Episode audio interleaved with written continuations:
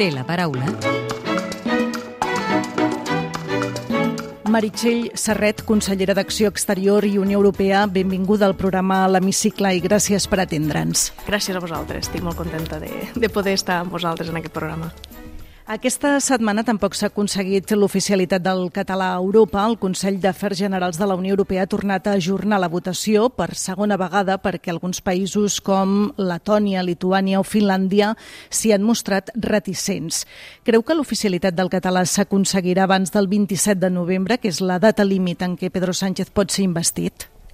La prioritat principal del govern de la Generalitat, i això ho hem dit des del primer moment, és que, és que mantenim la màxima ambició de que s'aprovi, de que finalment s'aprofiti aquesta oportunitat històrica i que s'assoleixi aquesta unanimitat dels 27 estats, per tant, no només l'estat espanyol, sinó tota la resta de 26 estats de la Unió Europea a favor de l'oficialitat del català.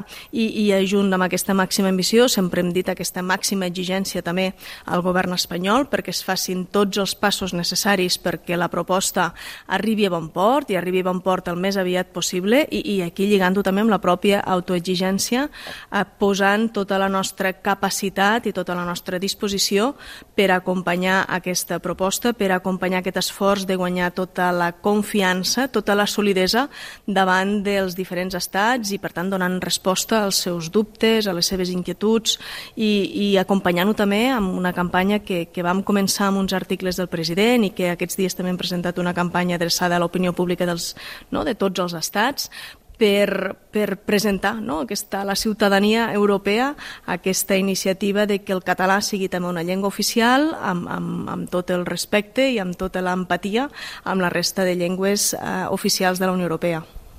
Creu que els estats membres de la Unió Europea estaran disposats a votar l'oficialitat del català uns dies abans d'una investidura? És a dir, decidiran aquesta qüestió que podria doncs, influir positivament o negativament en una investidura espanyola? Um, és, és difícil de, de, no? de donar una resposta en, en aquesta, amb el, tot el tema dels tempos, perquè el que tenim claríssim, i, i aquesta és la, no? la, la vocació i, i l'obsessió, diria ara mateix, del Departament i del Govern, és, com deia abans, que arribi a bon port la proposta. Per tant, el que tenim claríssim i el que diem reiteradament als diferents estats i amb tots els interlocutors amb qui ens trobem és que aquesta reivindicació de l'oficialitat del català pot estar en un moment determinat a la taula d'una d'una negociació d'una investidura en la qual hi ha molts altres temes, a més a més, per tant la investidura no depèn només d'això, però sobretot també que és una reivindicació d'una llarga trajectòria. De fet, des de no, que hi va haver a la integració d'Espanya a la Unió Europea el, el 86, doncs el 1987 ja ja va haver el Parlament de les Illes Balears que va sol·licitar, que va demanar, que va reclamar aquesta oficialitat del català i que des d'aleshores a Catalunya, la societat civil, les diferents institucions ho hem anat posant sobre la taula, s'han fet passos passos en aquest sentit. Es recull fins i tot en l'Estatut del 2006 una llei orgànica i hi van haver també aquells precedents al 2004, 2005, 2006, en aquell moment amb el govern del Zapatero, que es va posar sobre la taula i que des d'aleshores es van establir com una mena d'acords administratius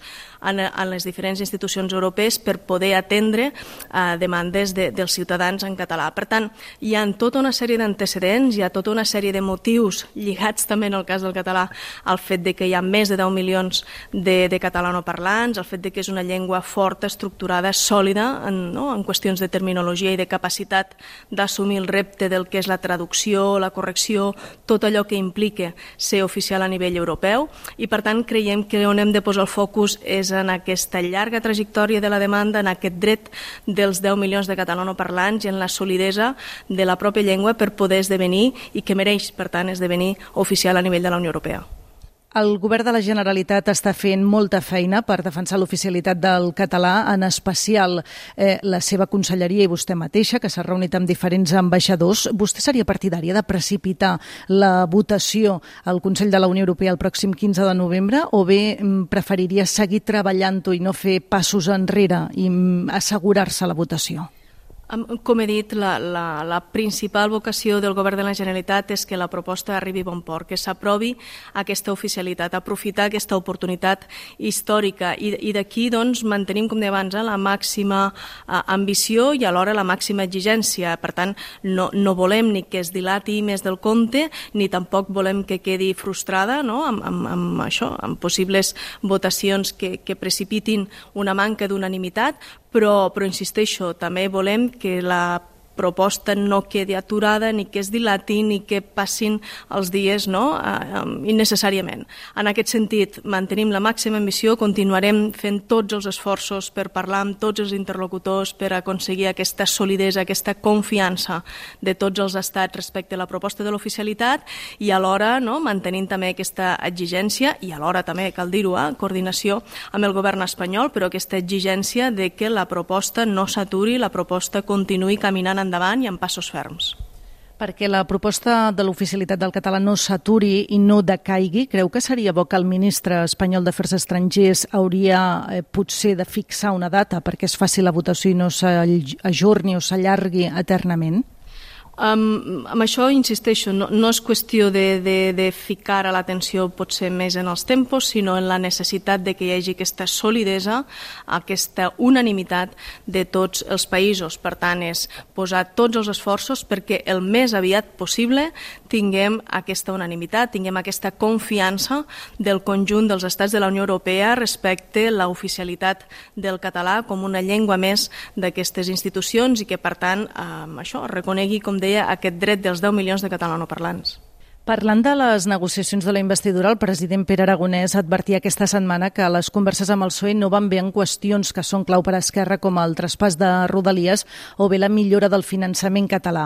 Si no hi ha traspàs integral de Rodalies ni millora del finançament, serà difícil el suport d'Esquerra a la investidura? El que estem dient és que el que cal és aquesta clara voluntat també de l'altra part de negociar per aconseguir aquests acords a favor del que mereix la ciutadania de Catalunya, del que és el millor pel futur de, del present i futur del conjunt de la ciutadania, tant en el que fa la resolució i la, no, del, del conflicte polític amb l'amnistia i la taula de negociació, com tots aquells elements que són estructurals i indispensables per assegurar serveis de salut, d'educació, serveis socials i totes aquestes inversions en infraestructures estratègiques. Per tant, um, el missatge és claríssim, les propostes estan sobre la taula, amb sentit de volem arribar a acords, però cal que hi hagi també aquesta predisposició de l'altra altra part.